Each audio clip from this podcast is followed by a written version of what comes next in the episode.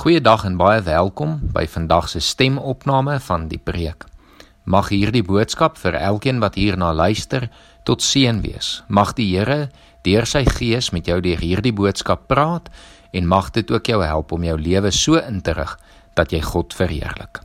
Kom ons word 'n oomblik stil en dan bid ons saam. Here, dankie vir die voorreg wat ons het om ook deur middel van tegnologie dit moontlik te maak om na boodskappe te kan luister. Here, ons kom vra dat U vandag deur U Gees ons harte sal aanraak, dat U woord tot ons sal spreek, Here, en dat hierdie boodskap ons sal help om ons lewens so in te rig dat ons deur alles wat ons doen, U sal verheerlik. Amen. Verbeel jou vir 'n oomblik die volgende land. 'n Land waar die regering sy eie burgers onderdruk 'n land waar daar belasting op belasting op belasting gehef word. 'n Land waar mense se grond en eiendom op onetiese en onregverdige maniere gevat word.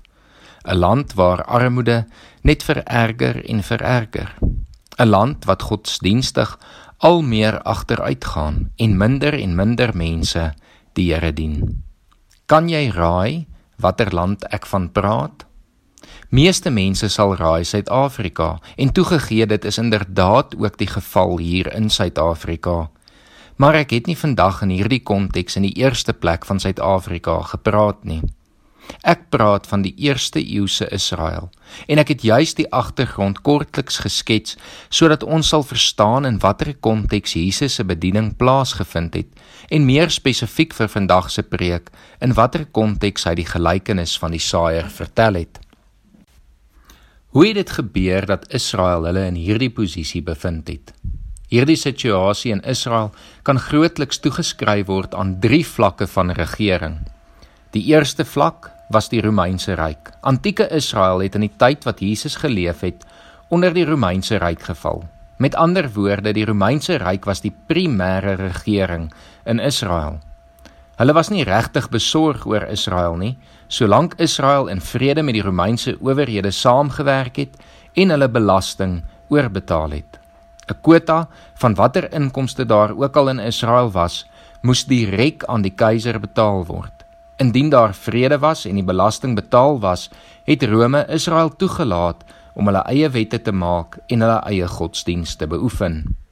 Rome het wel nog een vereiste gehad en dit was dat daar 'n tipe van 'n streeksregerder sou wees wat namens Rome seker moes maak alles in die streek verloop volgens plan. Twee voorbeelde van hierdie tipe regerders in Jesus se tyd was Herodes en Pilatus. Hulle het bykomend tot die belasting wat die keiser gevra het, ook belasting aangevra sodat hulle hulle self daarmee kon onderhou, maar eintlik sodat hulle lekker lyks kon leef. Die derde vlak van regering was die plaaslike regering, bekend as die Joodse Raad. Hierdie raad het bestaan hoofsaaklik uit priesters, skrifgeleerdes en 'n paar familiehoofde. Ook hulle het deur middel van offers by die tempel en tempelbelasting 'n verdere finansiële las op die volk geplaas. Hiermee saam het die tempel so korrup geword, soos julle weet, dat Jesus die tempel uiteindelik moes reinig. Die tempel was nie meer besig om die doel en die funksie van 'n gebedshuis en opregte offers tot God te verrig nie, maar het 'n samekoms vir korruptes geword om die volk verder uit te buit. Ek vermoed, soos jy geluister het, sou jy besef het dat 'n persoon wat 'n oes gehad het, maar 'n deel vir die keiser moes gee, 'n deel vir die streeksregerder en nog boonop 'n deel vir die tempel uiteindelik self nie veel oor gehad het nie. Hierdie het gelei tot die verarming van die mense, mense wat meestal landbouers was. Die wat hulle eie grond gehad het, sou in droë jare nie hulle belastingverpligtinge kon nakom nie. Gelukkig sou een van die vlakke van die regering hulle genadig wees deur vir hulle 'n lening te gee. Die rente hierop het egter so hoog geloop dat hulle nie hulle skuld kon terugbetaal nie en uiteindelik het hulle hulle grond verloor. Gelukkig sou die skuldeiser verder genadig wees deur die grond terug te verhuur aan die persoon. Ongelukkig moes die persoon nou sy gewone belastings betaal, maar bykomend nog hier ook. Die deel van die oes wat vir homself gehou kon word, het dus kleiner en kleiner geword en mense het gesukkel om hulle families te onderhou. Uiteindelik het meeste persone as dagloners of slawe vir wie ook al dan hulle skuld moes afskryf gewerk. Dit is dan hoofsaaklik met hierdie mense wat Jesus praat wanneer hy die gelykenis van die saaier vertel. Vanoggend gaan ons luister hoe hulle hierdie gelykenis sou hoor en wat hulle deur die gelykenis sou verstaan. Ek lees dit vanoggend vir ons voor uit Markus 4 vanaf vers 1 tot 9. Jesus het weer die mense langs die see begin leer. 'n Baie groot menigte het by hom saamgedrom sodat hy op die see in 'n skei gaan sit het. Die hele menigte was langs die see op die strand. Hy het hulle baie deur gelykenisse geleer.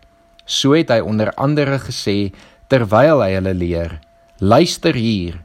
'n Saaier het eendag gaan saai. Met die saai het 'n deel van die saad op die pad geval en die voëls het gekom en dit opgepik. 'n Ander deel daarvan het op klipbanke geval waar daar nie baie grond was nie.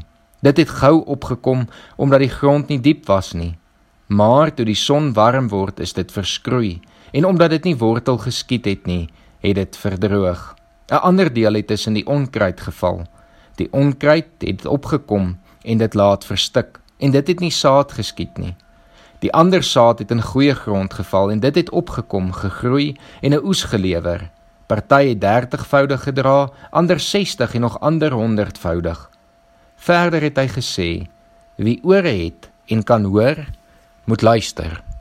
Ons het laasweek gehoor hoe die gelykenis van die saaier ons herinner dat ons reaksie op die evangelie reg moet wees. Ons lewensgrond moet gereed wees dat die koninkryk in ons kan groei. Vanoggend fokus ons egter op die sosio-historiese konteks van hierdie gelykenis. Met ander woorde, hoe sou diegene wat na Jesus geluister het, die heel eerste keer hierdie gelykenis verstaan en gehoor het? Jesus het gelykenisse vertel om die koninkryk van God aan sy hoorders bekend te maak. Die koninkryk van God wat anders gefunksioneer het as die van die bestaande regerings. Wanneer Jesus dan hierdie gelykenis vertel en dit begin deur te sê luister hier, eendag was daar 'n saaier moet ons onmiddellik besef wie hierdie saaier was. Dit is iemand wat probeer het om 'n bestaan te maak. Iemand wat besig is om na Jesus te luister. En waar gaan saai hy? Nie meer net in goeie vrugbare grond wat hy besit nie, want hy het dit al reeds verloor. Nee, hy hier waarskynlik nou al 'n minder goeie deel. Daarom wanneer hy saai, val van die saad op die pad, ander tussen klippe en ander in dele waar die onkruid buite beheer is. Gelukkig is daar ook nog hier en daar goeie grond en dit is in hierdie dele waar hy wel moet sukkel om 'n oes te maak. En dit is met hierdie dele wat hy uiteindelik dit kan regkry om tog iets oor te hou om vir homself en vir sy mense te sorg. Maar wat is die vergelyking? Wat probeer Jesus hierdeur sê? En wat het die mense wat na hom geluister het gehoor? Die eerste deel luister ons is dat daar saad is wat op die pad val. 'n Pad wat iets simbolies van die Romeinse ryk verteenwoordig het, wat iets van die sisteme van die Romeinse ryk van vertel het, van handelsroetes wat gevestig is, van soldate wat op en af masseer en belasting wat deur hierdie roetes ingevorder word. Die saaier saai en 'n deel van sy saad val op die pad Met ander woorde, 'n deel van sy oes moet direk na die Romeinse ryk gaan. Wat hierdie nog verder bevestig, is die voëls wat kom in die saad kom oppik. Die Romeinse ryk wat se bekendste simbool 'n voël is, 'n arend. Die voëls, die tollenaars kom en vat 'n deel van die oes as belasting vir die Romeinse ryk en die handelsnetwerke van hierdie ryk. Nog 'n ander deel van hierdie saad val tussen die klipbanke. En hier word die klipbank die simbool van die plaaslike streeksregering wat ook weer eens hulle deel van die oes as belasting wil eis. Hulle word soos klippe wat tussen 'n land is wat maak dat iemand nie 'n volledige oes kan kry nie. Hulle is mede-verantwoordelik vir die verlies van goeie grond. En nou moet die saaier tevrede wees om te saai selfs daar waar daar klippe is. 'n derde deel van die saad val tussen onkruid. onkruid wat gereeld in die Ou Testament gebruik was as simbool vir die heidene. Maar in hierdie geval verwys dit na die tempel wat onrein geword het, die tempel wat soos heidene geword het, wat soos onkruid die suiwer evangelie en die koninkryk van God verstik. Die tempel wat korrup geword het en ook hulle deel van die oes wil eis, maar nie hulle kant bring om te sorg vir hulle eie mense nie. Die saad wat elke keer verlore gaan is te simbolies vir die oes wat deur die saaier verloor word aan die verskillende belastings wat betaal moes word en aan die ekonomiese uitbuiting deur die regering. Tot en met hier sou die wat na Jesus geluister het besef het dit is presies die situasie waarbinne hulle hulle self bevind. Maar dan kom Jesus, soos amper altyd met sy gelykenisse, met 'n verrassing.